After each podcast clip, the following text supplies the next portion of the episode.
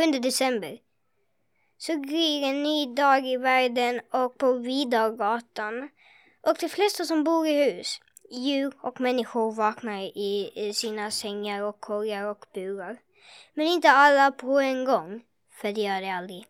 Två trappor upp i det gröna huset vaknar Tilda sist av alla. God morgon gumman, säger pappa. Efter att ha harklat sig en lång stund. Vill du ha, ha lite rostat bröd, kanske?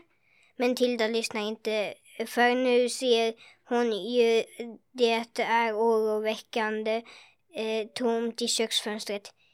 Inte en enda blomma, inte krukor eller skålar. Alldeles, alldeles tomt. Bara den blanka fönsterbrädan som lyser vitt av och avtorkad under den evigt svarta stjärnan. Men vad, börjar Tilda, men pappa avbryter. Vi pratar inte om det, säger han, men nickar ändå tyst mot skåpet under vasken. Mamma har förresten gått och lagt sig igen en stund.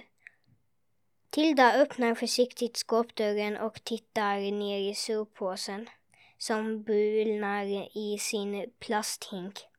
Helt full är den, proppad till bredden av blad eh, och jord och glas och krukskärvor. Men lite hopp om livet finns det, säger pappa.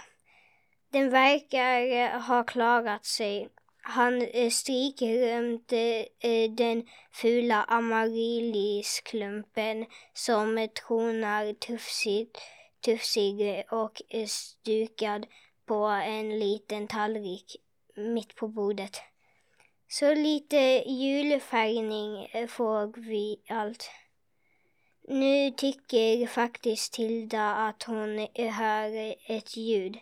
Nästan som ett skratt låter det.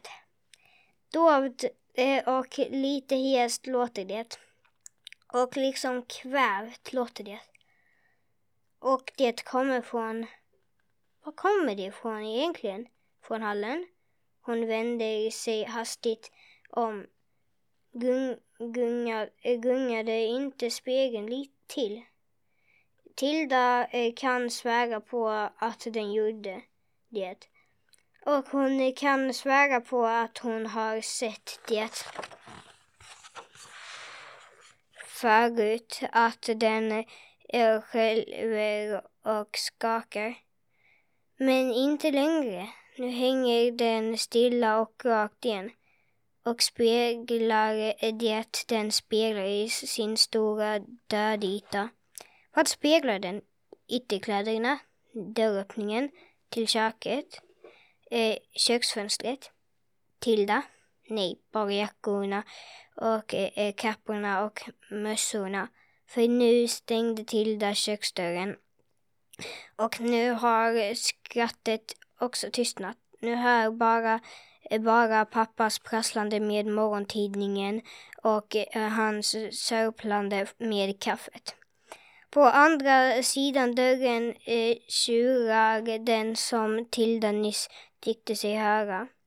Varför stängde hon, morrar han. Vinterjackor, vem bryr sig om vinterjackor, skrufs. Men det lilla trollet, eh, det, of, eh, det, men det lilla trollet, det, eh, det oftast ganska klok lilla trollet lugnar honom med att säga att dörren säkert öppnas snart igen. Den öppnas eh, nog snart, JT, säger han. Eh, det måste väl ut och handla, vet du. Och då tar de jackorna också. Handla, säger den andra misstroget. Vad skulle det handla menar du? Saffran, antar jag, säger Skrufs till, lusse, till, till lussekatterna.